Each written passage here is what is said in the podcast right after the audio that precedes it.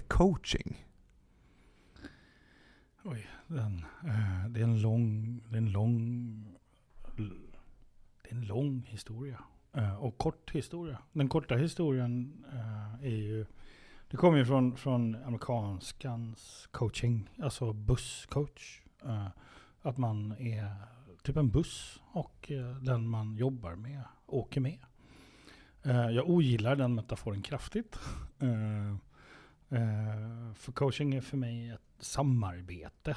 Eh, man går in i en process tillsammans och man går ur den. Eh, sen leder jag som coach processen. Klienten ansvarar för sitt resultat. Det är på något sätt en, klassisk definition. Så. Vad då för samarbete?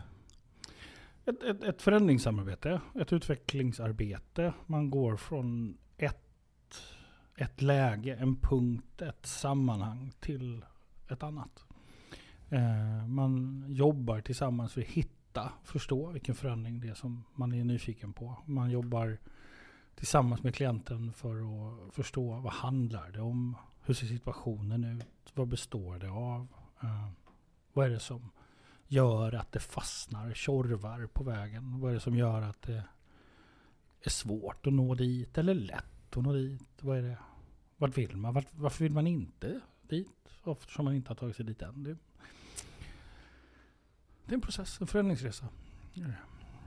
Vad är inte coaching? Um, ja, eh, jag, jag brukar få frågan, eh, vad är skillnaden mellan terapi och coaching? Och den, den har ju förändrats genom åren för mig. Um, ja, till exempel när man, när, man, när man jobbar med en förändring så finns det tre stycken tidsperspektiv som man har med sig. Det ena är sin dåtid, vad man har varit med om, vad man har för erfarenheter. Eh, det är det ena tidsperspektivet. Det andra är var jag befinner mig någonstans just nu och hur jag upplever min befintliga situation och vart jag är på väg. Och då brukar man, eh, en, alltså en tidigare definition, eh, liksom skillnad mellan terapi och coaching, för coaching är inte terapi. Det är att terapi, då arbetar man liksom med det som har varit och coaching så arbetar man liksom med det som ska bli. Men, men den, den definitionen har utvecklats för mig mer, eh, ännu mer. Eh, och det beror på att eh, jag har insett att om man, om man är utbildad i eh, exempelvis som, som psykoterapeut eller man är psykolog, då, då är man liksom expert på att hitta vad som är dåligt. Alltså vad som inte funkar, vad som är sjukt. Eh, man, man är skicklig på att identifiera diagnoser, man är skicklig på att identifiera sjukdomstillstånd och sådana saker. Eh, en coach är inte utbildad i att identifiera sjukdomstillstånd. En, en coach är utbildad i att utforska det friska.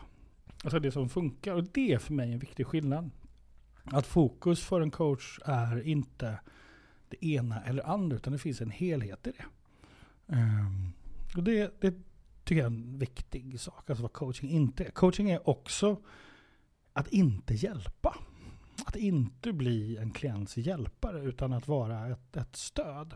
För i samma sekund som jag börjar hjälpa klienten, då blir jag också en del av samma problem eller samma utmaning. Och där, då börjar det bli rörigt och geggigt. Kan jag bli coachad av en AI? Um, ehm, jättespännande.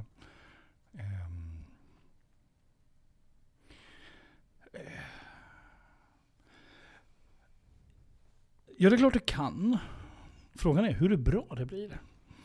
Eh, på samma sätt, eh, det finns jättemycket forskning. Man har kikat på till exempel eh, kognitiv beteendeterapi med hjälp av fördefinierade formulär eh, som har visat sig vara en, en, en, en, en positiv hjälp för människor med, med vissa sjukdomstillstånd. Så det fungerar att, att ha en, en, en strukturerad frågeställning. Men men det, fin det finns en utmaning i det här och det är för att man ska skapa verklig förändring, alltså komma till insikt på riktigt. Det här att någonstans hålla klienten i handen och säga det löser sig. Eh, den här tunneln är bara en tunnel. Och även om det är becksvart så kommer det att bli ljust. Det, det tvivlar jag på att en AI klarar av att skapa den relationen det skulle inte förvåna mig om vi kommer dit. Så. eh, i framtiden. Men vi är inte där än. Så att, att, en, att man kan få den relationen till, till AI än, tror jag. Så. Men jag blir gärna motbevisad. Relationen är så otroligt central när man pratar om coaching. Så. Kan jag bli coachad av en AI med en mjuk mekanisk hand? Nej, det är samma sak. Eh, det är fortfarande bara en mekanisk hand. En relation är så otroligt mycket mer än så. Det är blick, det är närvaro, det är lyssnande, det är, det är, det är kontakt, det är eh, gemensamma erfarenheter, tillit, eh, så. andetag, eh, så. puls. Är en coach en kompis som får betalt? Ja, eh, det, nu pratar du om min egen, min egen kris som jag hade för några år sedan. Eh, där jag började fundera på precis exakt det. Jag som jobbar som coach, man kommer till mig och så, och så får jag betalt för att eh, för att liksom hjälpa, stärka, stötta en person och gå från A till B.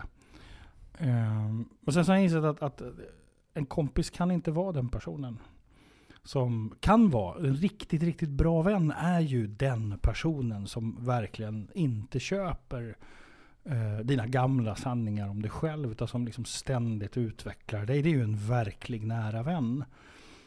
Um, men en kompis, nej, jag tror att det är, det är få kompisar som vågar vara liksom, tuffa mot varandra på det sättet. Mm, finns de så, så är det fantastiskt. Men en, en coach ska inte vara din nära vän. Coach ska vara en person som vågar utmana dig bortom vad du själv trodde var möjligt. Vad kan vara en gammal sanning om en själv? En gammal sanning om en själv? Um, ja, till exempel jag duger inte. Jag kan inte. Det där har jag prövat, det går inte. Nej, men jag kan inte drömma så långt bort, för det är läskigt. Oj, vi måste ha ramar utanför vår box. Så att vi, vi kan inte gå utanför ramarna på boxen, för boxen existerar. Ja, det finns ju massa valda sanningar som, som vi har som begränsar oss. Um, och de kan ju vara mer eller mindre tuffa. Liksom. De kan vara mer eller mindre sanna för oss. En del människor lever ju hela sina liv i en idé om sig själva som inte är sann. Så, vad nu verklighet är. Men, ja. Och varför gör de det? Kanske aldrig har gått i samtal. Så kanske aldrig har behövt utmanas i det. Eh, det kan vara att de är trygga i det. Ehm, och det fungerar för väldigt många människor att det är så. Eh, man lever ett liv på ett visst sätt och man mår väldigt bra i det. Och det finns ingen anledning att bryta, liksom bryta det heller. Ehm, men jag tror att man, har man, har man liksom någon gång i livet separerat, varit med om någon form av trauma, liksom tvingats växa i någon form. Då tror jag att man ganska snabbt blir varse att det finns valda sanningar, det finns gamla historier om oss som inte är sanna. Så. Eh, jag tror att bara att växa upp som människa, eh, det är ju att börja göra upp med sina gamla sanningar. Alltså världen såg inte ut som mamma och pappa sa. Bara det är ju en gris liksom. Ehm, så. Och var kommer de här valda sanningarna och de gamla historierna ifrån? Från vår uppväxt, från våra föräldrar, från oss själva, eh, våra konstruktioner. När, jag, när man kommer till ett klassrum första gången och är sju år gammal och är rädd för eh, att det är konstig stämning in i rummet. Och sen så blir man den där killen som blir en pajas i klassrummet för då får man allas uppmärksamhet. Och då börjar man ju hitta på att ah, om jag är klassens clown, då får jag uppmärksamhet. Det är ju ett exempel. Eller om någon ser mig, då kommer jag upphöra att existera. Den här tapetblomman liksom som inte vill synas, inte vill existera, som går tyst in i klassrummet och sätter sig i ena hörnet. Liksom. För om personen syns så då blir det farligt. Så. Det kan vara en upplevelse man har. Så att, det är ju vår uppväxt. Allting vi är med om präglas ju. Så, alltså vårt liv präglas av det. Och jag tänker att det är också det som är utmaningen när vi plötsligt tror att vår dåtid och det vi har varit med om att det är sant och ska gälla för det som är idag. Och, och där kan man behöva stöd, där kan man behöva hjälp att, att få de här gamla idéerna utmanade av någon som faktiskt inte tror på det. Och, och som, som faktiskt ifrågasätter det. Um, och då tror jag att det kan vara en poäng att ha en person framför sig som väljer att se det friska i dig. Och liksom det som är dina resurser och det som är det du visar upp att du behöver, är och vill idag. Så. Kan man coacha en katt? ja, det är klart. Jag måste, jag måste, katt, jag har ingen relation till coacha Jag funderar på om man kan coacha en hund däremot. Och det undrar jag om man inte kan. Fast, fast det är... Fast då är det ju träning med. Man kan ju träna en hund till att göra vissa saker. Sitter jag då och säger att man kan träna klienter till att göra vissa saker? Och ja, ibland är det ju så. Ibland behöver man träna på saker. Man behöver ha den här, det här rummet med coachen. Och att, att liksom, till exempel träna på att gråta, träna på att skratta. Så, för man är ovan vid att göra det så. Så, så träningens, alltså träningsperspektivet svar ja, eh, det är klart. Eh, men kan man coacha en katt? Nej, jag tycker, kan man inte låta katter få vara katter? Kan man inte få vara med katter bara? Så. Jag tror att de coachar nog snarare oss istället, om jag ska vara ärlig.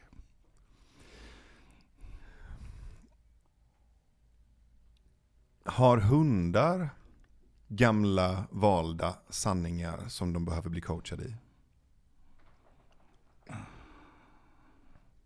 Ja, eh, det finns ju något som heter hundpsykologer. Eh, och det är, en, det är en ganska omfattande kompetens. Eh, självklart kan, kan en hund ha ett trauma. och, och ha saker som de har lärt sig när de växte upp och som de behöver förstå, träna på att göra annorlunda och för att kunna må bättre, bli tryggare. Absolut.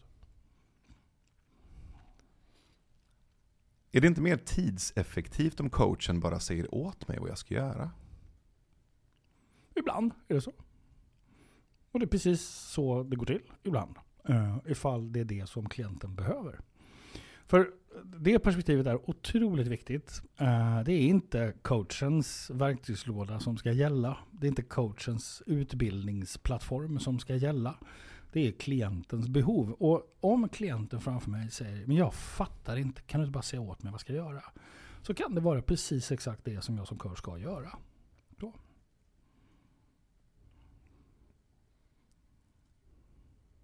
Får en klient be coachen om vad som helst? Såklart. Vad som helst? Absolut.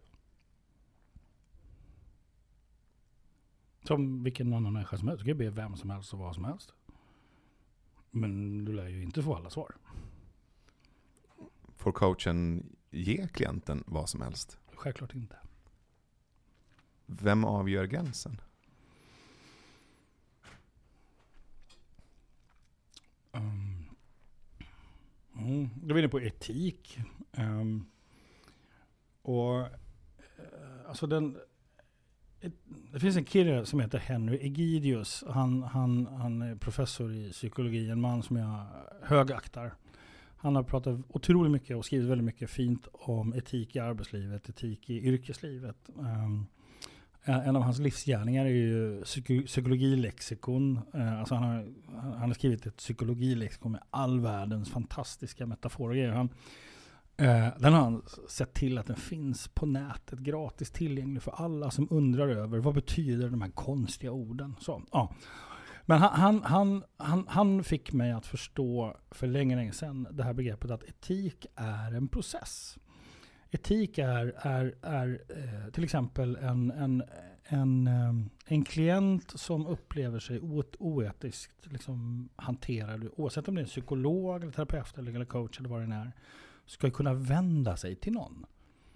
Och, och berätta vad den har varit med om. Så. Och det, det, den ska inte behöva gå till coachen för att lyfta det. Det måste ju finnas en process. Det behöver finnas. Så här gör du steg ett, två, tre för att. Eh, och för att gå tillbaka till din fråga så tänker jag coach, coachingprocessen börjar ju med att du och jag sätter oss ner och vi pratar om din beställning. Alltså din, vad är det vad är hela poängen med att vi ska jobba ihop överhuvudtaget? Och eh, med åren som jag har jobbat så blir det färre och färre gånger som jag fortsätter arbetet med klienten. Därför att det var bara beställningen de behövde förstå. Eh, att, att, att prata om vad är det jag sitter med just nu? Vad är det som är utmanande och, vad är, och vart är det jag vill? Så. Det är en sån eh, parameter som, som, som jag tycker är intressant. Att, att allt mer sällan så blir det, ja, du och jag, vi ska jobba ihop över tid. Så. Och, och den här överenskommelsen, vad är det vi ska göra? Vad är det du förbinder dig till tillsammans med mig? Och vad, är det, vad ska det här leda till? Ehm, eh, och alltså frågan är ju, liksom, ställer man upp på vad som helst? Klart man inte ställer upp på vad som helst. Därför det, det är en förändring. Jag har ett yrke, jag jobbar som coach och vi ska liksom ta oss från A till B. Um, och det är ju inte jag som ska göra jobbet. Det är du som klient som gör hela jobbet. Mitt, mitt arbete är att vara din lots i det. Det är du som har det här stora fantastiska skeppet som ska in i en hamn någon jävla stans. Och då kan jag lotsa dig dit. Men det är du som får lägga till. Det är du som får liksom göra jobbet någonstans i det. Ja, jag tror inte jag svarade på frågan egentligen. Men, men, men um, den, den, var bra för det fick mig att tänka på massa andra saker som också är viktiga i det här. jag. Varför gillar du metaforen lots bättre än buss? Um, därför buss är, då är det jag som kör dig. Och lotsen, då, eh, då, då är det inte jag som kör. Jag lotsar bara, jag vägleder. Ehm, det är ett litet, litet snöre. Liksom från den stora kraftiga lotsen som, som liksom eh, sticker in i hamnen. Så. Men det är ett litet snöre och du kan klippa det när som helst. Och det, du är, you're the big one liksom. Men, men i metaforen buss och coach, då är det jag som styr. Liksom. Eh, alltså, mm. Nej, jag gillar inte det. Jag ska inte alls till samma plats som klienten. Jag en, en, jag är med en liten, liten, liten, liten bit på vägen. Den stora resan, den är din. Så jag tycker det är en, bättre metafor. Du och jag, vi reser inte tillsammans. Uh, det, det, är lite... Um, det är lite förmätet att påstå att jag som din coach ska följa med dig på resan. Om man tänker efter. Därför att det är du som gör jobbet. Jag har ingen aning om hur det är att vara den du är. Och, liksom, och vi har inte gått i varandras skor. Så. Och tror jag det som coach, att jag sitter där och så går jag i dina skor för att du går i samtal hos mig. Då är jag fel ute. Så. Jag är din lots ett tag, men, men uh, jag har mina skor och du har dina skor. Vilka vanliga beställningar får du som coach? Mm. Jag, de vanligaste beställningarna jag får är de som vi aldrig jobbar med. Eh, det vill säga, de, de flesta klienter kommer till mig för att de tror, till exempel att det är lite jobbigt på jobbet. Jag har tröttnat på jobbet. Men egentligen så behöver de åka hem och hålla om sin respektive. Eh, det är jättemånga som kommer till mig och säger att eh, de har tröttnat på sin relation. Eh, men egentligen så behöver de gråta och vara ledsna över sin pappa som gick bort för sju år sedan. Och de har förträngt att de fortfarande är ledsna över det. Ehm, det är, det, den vanligaste beställningen är ju alltså den vi inte jobbar med. Sen, sen, sen finns det ingen, ingen liksom, det finns massa valda sanningar om varför man ska gå till coachen. Så, ja men det är lite karriären, eller det är, det är för att det är, det är lite jobbigt i relationen. Eller så här. Men det, eh, man går till coachen när man behöver ta nästa steg. Punkt. Det är min.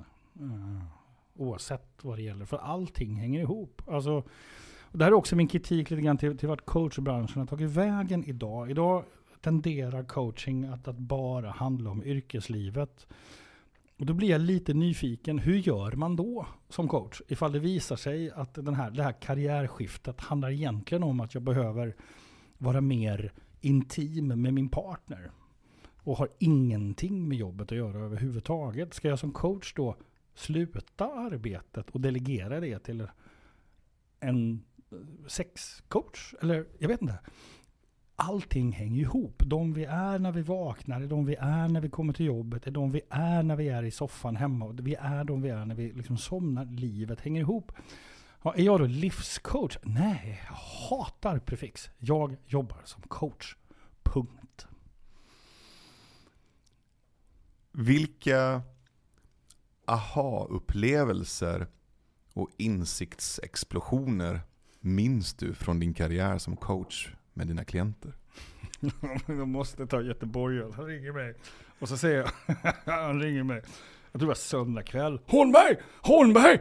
Fan, vi måste ses! Jag, du, jag ska gå i samtal hos dig. Och jag bara, eh, ja vad roligt. Eh, du kan boka in tid på sajten. Nej, jag kommer imorgon vet du. Jag, klockan nio imorgon. Jag är i Stockholm, du tänker kan vi ses? men jag är upptagen då. Eh, eh, och efter mycket om och men så, så torsdag klockan 10 hade, hade jag en tid. Liksom. Och då kom, ah, då kom jag dit klockan 10, Klick!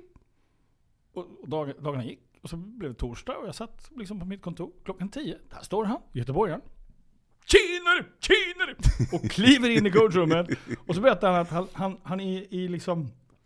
Ja, jag har jobbat i sju år har jag jobbat på en och samma arbetsplats. Och jag har sett det här, och jag har sett det här, och jag har sett det här. Och jag, nu, nu vet jag, jag ska starta eget bolag. Och så, och så berättar han om hela sin affärsidé och hur han har gjort svottar och svittar och svuttar och allt vad han nu har pysslat med. Och plan, planerat och skissat och dragit upp och post-it-lappat sig och i mängder. Så här. I, I 50 minuter berättar han det här. Och så bara, plötsligt bara tystnar han. Vad tycker du om det? Och då svarar jag, ja, vad skulle hända om det gjorde precis det här. Alltså du är ju världens bästa coach! Så han bara, fan det är helt fantastiskt! Och så drog han. Så var det klart. så, um, om, om, om, man, om det är så att jag tog betalt per fråga, så var det väldigt välbetald fråga. För det var ett, en enda fråga jag ställde honom. Uh, han driver bolag idag. Han omsätter miljoner, den killen. Um, uh, och framförallt så är han ju lycklig. Liksom, så. Och, och så där kan det vara. Ibland, ibland så, så är, är man liksom långt, långt gången i sin förändringsprocess. Det enda man behöver är liksom lite knuff. Um, och ibland så behöver man, man um, värmas upp. Liksom. Det är som att sätta vatten på en panna, liksom, på en platta. Så. Men det är frågan om insiktsexplosioner. Jag tänker det, um, det finns ju ett läge hos alla klienter egentligen när när de plötsligt inser att de får vara de de är och att det är okej. Okay. De får vara ärliga, sanna, raka, öppna, sårbara, mysiga, eh, rädda, osäkra. Så. Och det, det sker ju i alla samtalen när, när, när, det, plötsligt, när det plötsligt händer någonting. När, när, när, när, när klienten plötsligt inser att fan, jag är viktig för mig själv. Eh, och den, den den kommer jag aldrig vänja mig vid. För jag, alltså den är, det är så fantastiskt att få vara med om det ögonblicket. När det, blir, det blir ett skifte i ögonen och de, när, när man plötsligt, när klienten plötsligt inser att det är bara jag som bestämmer. Det är helt upp till mig. Så, så ja, jag tycker den är fantastisk. Det, det, är, en, det är väl den insiktsexplosionen. Och det finns också en till um, som, som har fastnat i mig. Det, det är hon, ehm, det kommer en kvinna till mig som är cancersjuk. Och hon vet att hon, hon, har, hon har sex månader kvar. Liksom. Um, uh, hon har tre barn. Uh, hon vet liksom, hur barnen reagerade. För hon har pratat med dem och berättat att mamma är inte kvar om sex månader. Uh, och hon har pratat med sin man och de har liksom förberett och planerat allting.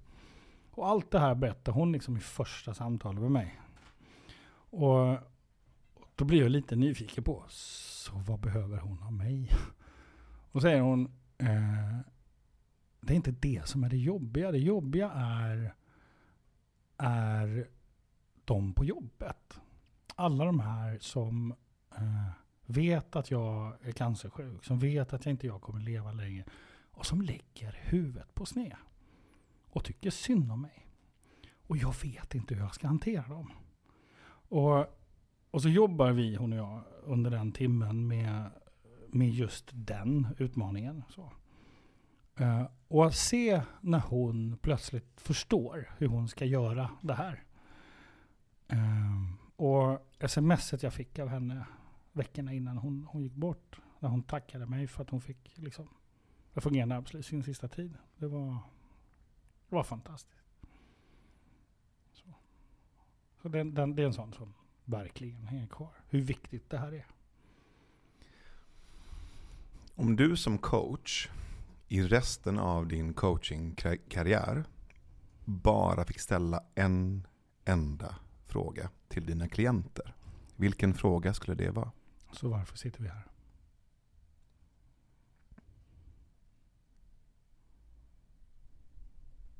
Hur skulle SM i coaching se ut? Åh oh, gode gud, hoppas inte det sker. Uh, jag hoppas inte det sker. Det finns ju så här... Um, coachingens historia. Vi har Stigfinnarna, vi har bröderna Enhager som börjar föreläsa, prata coaching. Vi har uh, Tony Robbins, amerikanska, kliver upp på scenen, kör grejen. Sen har vi Eh, John Withmore liksom börjar definiera. Det är stigfinnarna. Sen kommer jobbcoachbranschen. Så. Eh, några år senare. Och där man plötsligt ska hantera arbetslösa med hjälp av coaching. Sådär. Och sen nu först så börjar coachbranschen mogna, tycker jag. Och, och jag har ju hört det här. Är det inte dags att anordna coach-SM?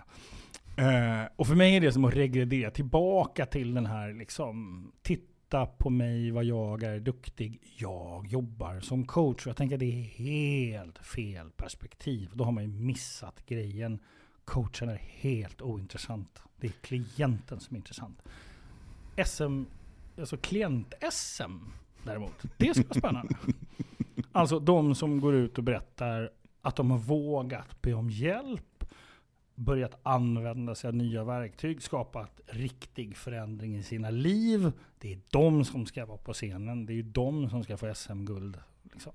Varenda en. Och det kan man inte tävla i. Så. Hur många coacher tål ett samhälle? ja, hoppas för gud inte för många. Eh, men däremot så hoppas jag att ett samhälle får väldigt mycket mer utav ett coachande förhållningssätt. Det vill säga att vi, vi börjar utmana valda sanningar oftare. Eh, vi lever i ett samhälle som översköljs av valda sanningar. Eh, plötsligt ska vi gå med i NATO. Det är jätteintressant. Eh, hur det plötsligt har blivit en sanning. Eh, eller varför vi inte ska gå med i NATO. Det är också en sån sanning som poppar upp. Det massa saker. Tänk om vi kunde ha oftare ha ett coachande förhållningssätt till allting som kommer till oss. Tänk om barnen i skolan kunde få lära sig att ha ett coachande förhållningssätt till varandra, till lärare, till sina egna föräldrar och sådär. Det finns, det finns väldigt mycket fint i det. Um, Vad är skillnaden på att vara en coach och att ha ett coachande förhållningssätt? Uh, jag, jag, jag, är Alexander, jag, jag, är inte coach. Jag jobbar som coach. Um, och, um, och uh, coaching är är egentligen bara nulägesorienterad samtalsverktyg. Det är vad det är. Um, om man ska jobba dåtid, dåtiden och sortera dåtid, då ska, man, då ska man skaffa sig verktyg som transaktionsanalys eller terapeutisk erfarenhet. Och man ska läsa motiverande samtal, det finns massa så. Ska man skapa förändring framåt, ja, men då, då finns det massa verktyg som NLP-verktyg för att skapa förändring, skitspännande. KBT-verktyg, jättespännande, samma sak där. Um, men, men eh, så coaching är bara metodik egentligen. Det är den här klassiska nöra, nuläge, önskat läge, hinder, resurser, agera. Så. Eh, det är Arrow-modellen, nuläge, vad vill du med det, varför är det viktigt för dig och grow. Och det finns massor, det är bara metodik. Coachande förhållningssätt, det är, det är ju att ha eh, att ha en viss typ av förhållningssätt när jag använder de verktyg jag har. Eh, som till exempel att lyssna aktivt, att bli skicklig på att lyssna, det är att ha ett coachande förhållningssätt. Att bli skicklig på att vara medveten om att när jag ställer frågor så får det en påverkan. Att, att hur jag ställer frågor får en påverkan. Att, att vara medveten om att vi är olika som människor. Vi kommunicerar också olika. Vi har olika sätt att beskriva samma sidosaker på. Att, att vara nyfiken. Nyfikenhet som resurs, det är att ha ett coachande förhållningssätt. Att, att inte blanda ihop vad du ska göra och vad jag ska göra och tro att det är samma sak. Det, det är också att ha ett coachande förhållningssätt. Dramamodellen. Att, att, att vara medveten om att man, man, eh, man blir utsatt för projiceringar av andra. Vi projicerar också själva. Vi manipulerar. Alla människor manipulerar. Även de som kallar det för inspirationsföreläsning. Det är också eh, manipulation. Eh, för nu vill, nu vill företaget att vi ska minsann vara glada och tjoiga och tjimma. Det är manipulation. Det är också så. Um, vi påverkas och påverkas. Och, och att, att Ehm, så. Det, att vara medveten om det här, att, att vara nyfiken och vilja utforska det, det är att ha ett coachande förhållningssätt. Den tredje frågan är ju då, vad är då coachande ledarskap? Jo, det är ju då att, att vara medveten om att jag har ett ansvar i min roll, i min yrkesroll. Jag kan vara projektledare, jag kan vara ledare, jag kan vara chef, jag kan vara VD, jag kan vara jag kan leda en process på jobbet. Då, då, då, då, behöver jag äga ett ledarskap. Jag behöver också vara medveten om att jag är en ledare när jag är en pappa eller en mamma. Så, eller en lärare så äger jag ett ledarskap. Och då kan man alltså ha ett coachande ledarskap. Och det innefattar att jag har ett coachande förhållningssätt och att jag använder mig av coachande verktyg. Men om jag tror att jag i den sekunden blir en coach, då är det dags att börja om. Kan jag vara en poddare med ett coachande förhållningssätt? Absolut. Självklart. Jag, jag tror att det är precis det du är. Ibland. Kan det vara farligt med coaching? Eh, absolut. Eh, eh, fast jag skulle säga att coaching i sig är metodik. Coaching i sig är inte farligt. Utan det är personen som coachar utan att veta, utan att veta vad den håller på med. Det är farligt. Eh, det är på samma sätt så är det en, en, eh, en, att sätta en Tesla i händerna på en, på en, på en nybliven ton, alltså en tonåring som precis har fått körkort. Det kan ju medföra vissa risker. Kontra att sätta en Tesla i händerna på en erfaren bilförare. Det är liksom det, men det är inte Teslans fel om bilföraren kör ihjäl någon. På samma sätt är det ju det är liksom inte coachingens fel att det finns människor som tror att man genom att knacka fem knack i pannan så blir man botad från en tioårig depression. Alltså det, det är ju det är liksom, då, då, är det ju människan som håller på med det som är farlig, inte coaching. Um, men med det sagt också, så, alltså det, det är ju så i alla nya branscher när det plötsligt luktar pengar. Att då kommer det ju väldigt många människor som tror att här går det att göra pengar. Som till exempel föreläsarbranschen. Så har det ju varit ett tag. Eh, eh, där, där, eh, där det, under en tid så har det liksom verkat vara att det är ju bara att ställa sig på scen och köra en grej och så får man massa pengar för det. De har ju blivit varse om att så är det ju inte. Det är, det är en konst att föreläsa och att klara av att hantera en publik. Så. Eh, och så var det ju också med coachbranschen ett tag att, att det kom väldigt många lycksökare till coachbranschen. Framförallt under jobbcoachsvängen. Så. Eh, de är ju inte kvar. De har inte kunnat vara kvar. De försvinner ju successivt. Så. Det är de seriösa som är kvar och det gläder mig. Det har blivit en, en mognare bransch. Även om det finns mer att göra. Vilken känd person skulle behöva coaching just nu? De flesta. Nej, förlåt. Um, just nu, um, uh, jag skulle jättegärna träffa Ukrainas president. Uh, och ge honom en ordentlig kram. Jag tror jag skulle behöva det. Uh, uh, och uh,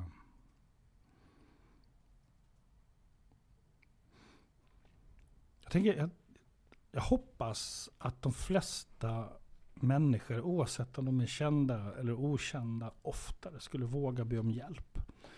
Eh, och öppna upp för sin sårbarhet. Och öppna upp och börja prata om sina riktiga utmaningar. Jag tänker att under covid så dök det upp många sådana initiativ eh, som är otroligt fina. Som där företeelsen i sig är ett coachande förhållande, är liksom en, en coachande process. Um, um, uh, menar, kända eller okända, det är helt ointressant. Det är vi, alltså, människor som sitter med utmaningar. Jag tror inte att ni är ensamma. Det, det, det, det, så, var inte ensam börja prata, be om hjälp. Varför coachar du? Eh, dels är, är, är jag skicklig på det. Jag har gjort det i över 18 år. Eh, jag älskar att träffa människor. Jag är fortfarande barnsligt nyfiken på... Eh, det finns inte en klient som liknar den andra. Uh, och det är så fascinerande att få möta nya människor på olika sätt. Uh, jag började ju coacha andra därför att jag gjorde, jag gjorde en upptäckt. Uh, jag hade själv jobbat som chef i en organisation och upptäckt att det var någonting jag gjorde som verkade fungera. Eh, men jag fattade inte vad det var. Jag sökte liksom i ledarskapslitteratur och hittade inte. Så till slut förstod jag att jag hade ett coachande förhållningssätt. Så, och jag var nyfiken. Så jag, eh, och det här var precis när coachingen kom. Så. Men idag för mig så eh, liksom den drivkraften jag har är ju, handlar, handlar väldigt mycket om min egen historia, var jag kommer ifrån eh, att jag själv var en person som, som hade behövt bli utmanad. Hade behövt bli sedd för den jag var, inte det jag trodde att jag var. Eh, en person som, som eh, satt med fantastiskt massa resurser men som aldrig blev sedd för det. Utan jag blev sedd för mina misslyckanden och, och eh, liksom den, de problemen jag hade. Jag hade väldigt många runt omkring mig med huvudet på sned som aldrig tog ansvar. Eh, utan de, de hade huvudet på sned. Eh, och, och att få vara den personen idag som, som finns där. Eh, den är fantastisk. Så, så ingen ska någonsin behöva sitta med idén om att de är ensamma. Så, med det de sitter med. Det är min drivkraft idag. Vad är en bra coach? Ehm, en bra coach är en person som ser till att klienten når sitt resultat. Och lite mer än de trodde var möjligt. Punkt. Vem blir coach egentligen? Vem blir coach? Jag hänger inte med på frågan. Alltså, alltså hur blir man coach eller vem blir coach? Vilken typ av person blir coach, tror du? Finns det någonting de har gemensamt? Ingen aning. Jag, jag, jag vet inte.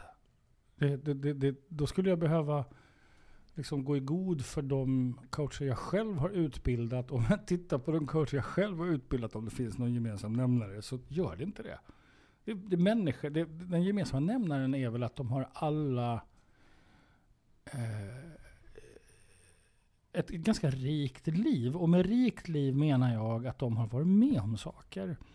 De har um, varit med om tuffa saker. De har också varit med om roliga saker.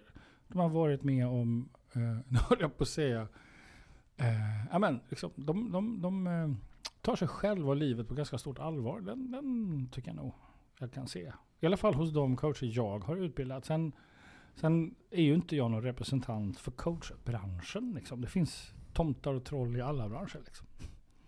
Hur, hur, låter det egentligen på en fest där det bara är coacher? Ja, det är inte roligt alltså. Det är ganska tyst tror jag. Uh, alla ställer frågor, ingen berättar något. Liksom. Uh, nej, jag tror att, jag tror att om, om, om, jag ska, om jag får vara lite generaliserande så, så tror jag att det är en gemensam nämnare hos de flesta coacherna som jag har träffat på är, är ganska stora egon överlag. Eh, det är samma typ av personlighet tror jag som, som, som också tycker om att stå på scenen och, och ha svaren och, och liksom peka med stora handen och är tuffa och coola, och både kvinnor som män. Liksom. Um, och jag raljerar över en hel bransch och jag hör ju det. Uh, men jag, jag, tror att ganska många kan hålla med mig om den bilden. Liksom. Um, det är ju såklart inte gällande för alla. Um, men, men uh, ja. Nej, stora egon tror jag faktiskt. Jag landar nog ändå i det. Jag har träffat ganska många coacher genom åren. Jag har eh, försökt att starta samarbeten med coacher tidigare. Och det, liksom, det stupar ju på det. Man är, man är, man är sig själv närmast. Liksom. Um, sorgligt nog. Kan vem som helst coacha? Ja, absolut. Med rätt verktyg. Um, en sjuåring? Nej, men helst inte. Varför då? Eh, eh, av samma anledning som jag inte jobbar med barn. eh, jag jobbar ju inte med barn, jag jobbar ju med föräldrar gärna. Så. Man ska komma någonstans i livet, man ska veta vad man är och mm, så man ska ha viss erfarenhet och så. Men jag, jag, jag, jag har träffat ganska många unga eh, som, som inte har så mycket eh, livserfarenhet. Så. 23, 24. Men de tror att de har väldigt mycket livserfarenhet. För det gör man när man är 23, 24. Och då tror man att man har svar på allting. Eh, Det är en del av det. Kan de bli bra coacher? Absolut. Absolut. Det finns inget recept på liksom bra, dålig, rätt eller fel. Men däremot så finns det, så finns det en etik i att coacha någon annan. Att, att vara medveten om ansvaret att vara en lots. Ansvaret att, att liksom ha koll på sig själv. Så, viljan och lusten till självutveckling, den tror jag är liksom otroligt viktig. Borde det finnas en åldersgräns för att bli coach?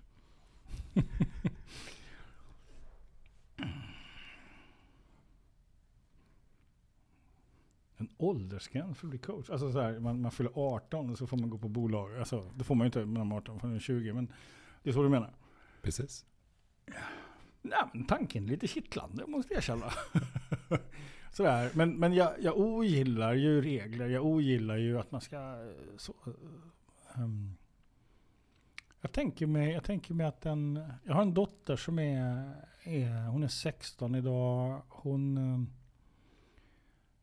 Hon har nog coachat både en och annan lärare.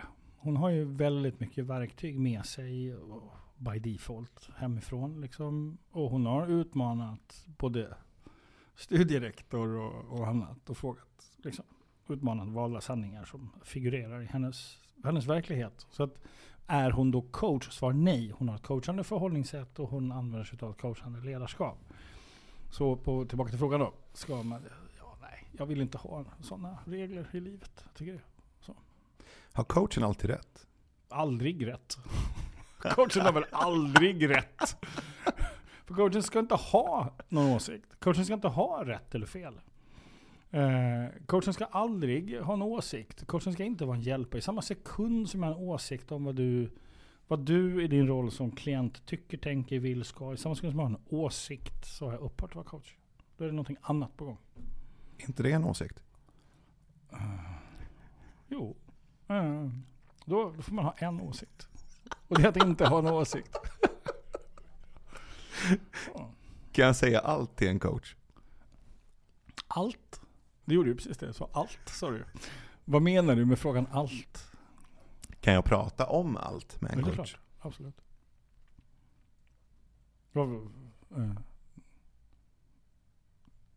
Jag, jag, har nog hört det mesta. Tänker jag nu. Eh, jag har nog...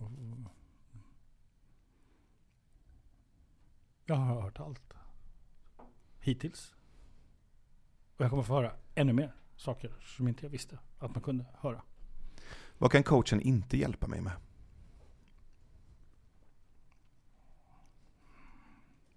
Ja, sjuk, alltså, svåra sjukdomstillstånd såklart. Det, vi behöver professionell hjälp med det. Eh, är du deprimerad så behöver du gå till en, en person som är skicklig på depression. Um, så, samtidigt så, så, så kan den, liksom det fina, tillitsfulla i ett möte mellan coach och klient vara lindrande nog för att få bukt med en depression. Uh, psyk, alltså svåra psykiska problem ska inte jag som coach jobba med. Eh, det ska man inte jobba med. Um. och sen i, i slutändan så är det faktiskt så att det är ju egentligen inte coachen i sig som jobbar. Det är ju du som klient som jobbar med dina utmaningar. Det, det, det coachens roll är ju att utmana din begreppsvärld och din dina begränsade valda sanningar kring dig själv. Jag har ju, jag har ju mött, mött klienter som har varit fullständigt övertygade om att de har PTSD till exempel. För det var jätteskönt för dem att veta när de var barn att ah, du har nog PTSD. Och så har det fått bli en, en, en, liksom en fyr, fyrbokstavskombination som har varit som en napp genom året. Liksom, genom, genom livet. Och, och, och, att, och att då för första gången träffa någon som säger Jaha, men tänk om det inte är så längre? Tänk om det är över? Tänk, tänk, tänk om det istället är eh, KPMLR eller, eller fiska eller kaffe som är den nya kombinationen. Vad vet jag? Och att då få utmana det i en begreppsvärld, i ett sammanhang, i en situation, i sitt, i sitt nuläge tillsammans med en person som inte har någon som helst relation till, till liksom en PTSD-diagnos. Utan så. Eh, kan det bli värre? Kan, liksom, kan det vara farligt att man som... För, för det är ju ett argument som jag får höra. Liksom, att, att, att coachar, oh, inte bra, de vet inte vad de håller på med. Uh, och jag tänker, nej vad bra. Vad skönt. Vad skönt det måste vara att få komma till en person som inte har en vald sanning om vem du är, vad du är och dina begränsningar och sådana saker. Jag tänker på, jag, alltså det finns en tjej som kom till mig, hon, hon, hon var 13 första gången hon hade gått till en, en skolkurator. Hon hade ångest, eh, har ont i bröstet och hon svettas och, och vad det är. Så möter hon den här kuratorn som säger till henne, du har kronisk panikångest. Och, och det tror hon på. Den här 13-åriga tjejen blir helt övertygad om att hon lider av kronisk panikångest. Och det är inte kul att veta att man är 13 år, att man har kronisk panikångest. Jag kommer aldrig inte ha panikångest. Vem tror man plötsligt då att man är? Så. Och liksom tre, fyra år senare så, så, så, kommer jag i kontakt med henne via hennes mamma som liksom, snälla, nu har hon börjat skära sig. Hon har tappat ridningen, hon äter inte. Liksom, den här, liksom, det som började med liksom, kronisk panik har du eskalerat. Det blir liksom varenda sida i DSM-5-manualen. Liksom.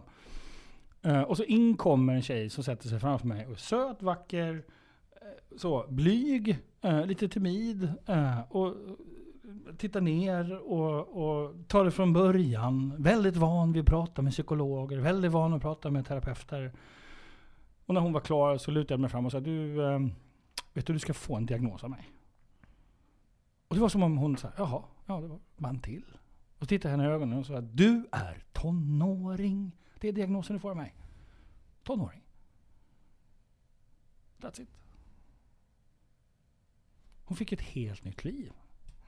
Där hon inte längre behövde vara där. Jag tror att det där är så viktigt. Det här fina rummet som man kan skapa tillsammans eh, mellan coach och klient. Genom att inte veta. Bra. Jag har coachat eh, människor som har skyddad identitet, som jobbar med saker som är superhemliga på våningsplan som inte existerar i Sverige. Eh, och där jag eh, inte får veta vad de pratar om. Och då jobbar man med metaforer istället. Okej, okay så, så när du kommer hem och har banan. Eh, vad vill du göra med banan? Så. Eller persika eller eh, ja, eh, så. Och det funkar. Funkar hur bra som helst att jobba med andra metaforer. Så. Men kanske valet av banan var intressant. Men, men eh, ja. Det var, faktiskt exakt det vi jobbade med, vilket blev väldigt underhållande. uh, med, med den personen. Den hemliga, hemliga, hemliga personen på våningsplanen som inte finns. Ja. Bananer. Om det fanns en superhjälte som hette Coachman, vad är hans kryptonit? Oh, vad jag älskade den frågan.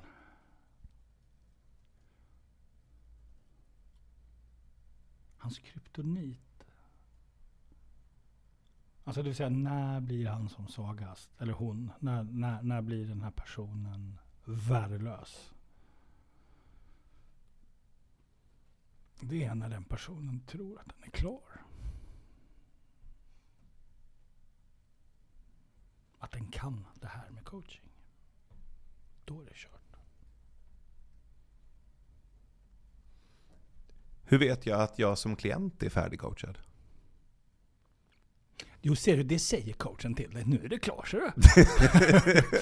uh, På den dialekten? Ja, Ja, och så gärna lite värmländska också, för då, blir, då blir det liksom bättre. Så.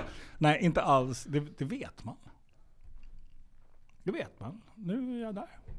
Och det är också en del av coachens arbete, att hjälpa klienten att se sina liksom, över tid uppkomna vinster. Så, att, att hela tiden följa upp, återkoppla, uh, ge tillbaka skillnad. Vad är det som har hänt? Nu har vi träffats fyra gånger. hur skulle du själv definiera skillnaden mellan första, andra, tredje, fjärde, fjärde gången? Så det, det är en del av coachprocessen. Um, och jag började jobba för ett år sedan med en klient som var eh, ni vet, millimetern ifrån att gå in i väggen. Uh, och uh, lyckades fånga honom precis innan det var dags att smacka in i väggen.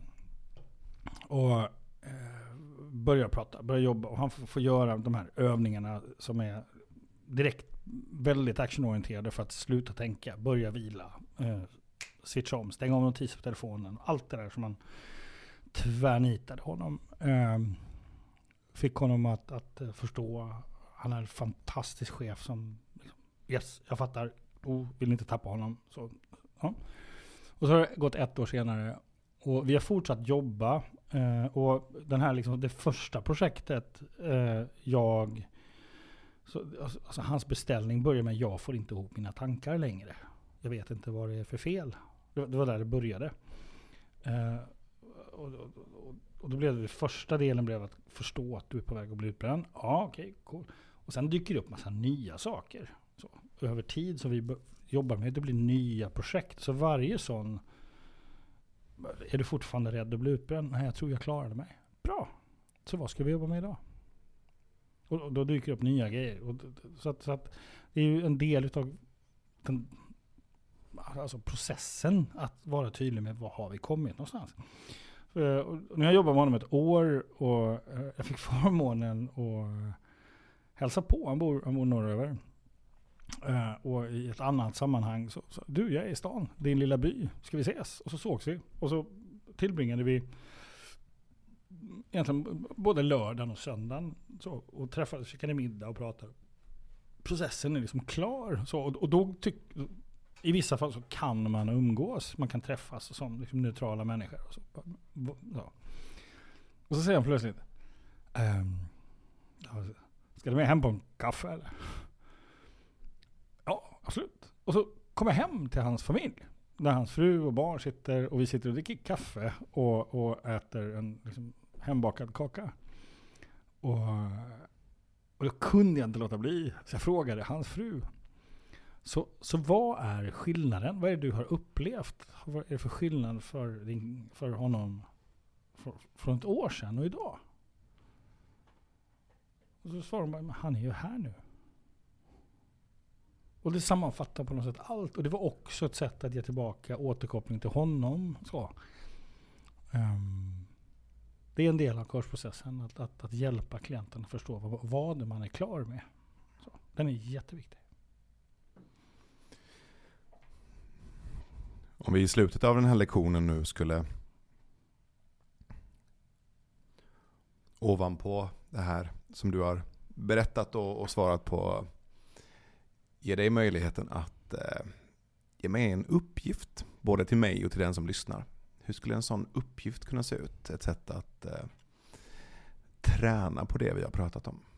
Mm. Då, då, då, då, skulle jag faktiskt vilja ge dig eh, den, den, finaste gåvan jag själv fick. När jag, jag, jag var 23 år gammal när jag förstod värdet av självreflektion. Att det är viktigt. Um, och uh, det lilla jag förstod var ju då en 23-årings kapacitet att förstå en sån insikt. Så den var ju kraftigt begränsad då. Men sen dess har den växt. Och, och faktum, är, faktum är på, för mig så varenda dag sen dess. Så eh, alltså alltså jag, jag ställer den här frågan till mig själv. Mer eller mindre på samma sätt varje dag innan, innan jag går och lägger mig. Uh, den har förändrats över tid. Så, men tänk att du ska få originalet. liksom den, så. I, idag, idag så ser den lite annorlunda ut. För jag behöver ställa andra typer av frågor till mig själv. För min egen självreflektion. Och, och varför ska man självreflektera? Jo, därför att jag, jag tänker att jag, jag i alla fall, jag har det här livet. Uh, och jag vill få ut så mycket som möjligt av mitt liv. Jag vill, jag vill stanna upp och fundera på, så vad har hänt idag egentligen? Vad har liksom varit viktigt för mig idag?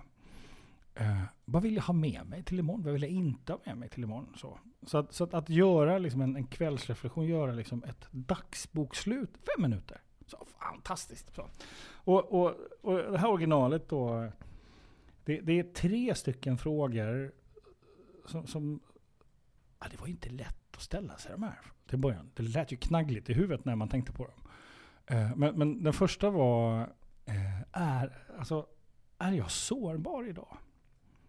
Alltså har jag varit sårbar? Har jag visat mig sårbar för mig själv eller för någon annan? Ja eller nej?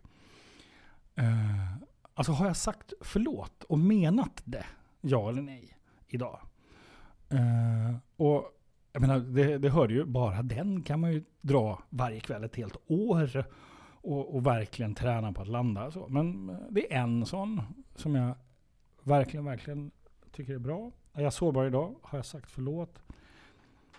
Den, den, andra frågan det är, har jag gjort någonting för mig själv idag?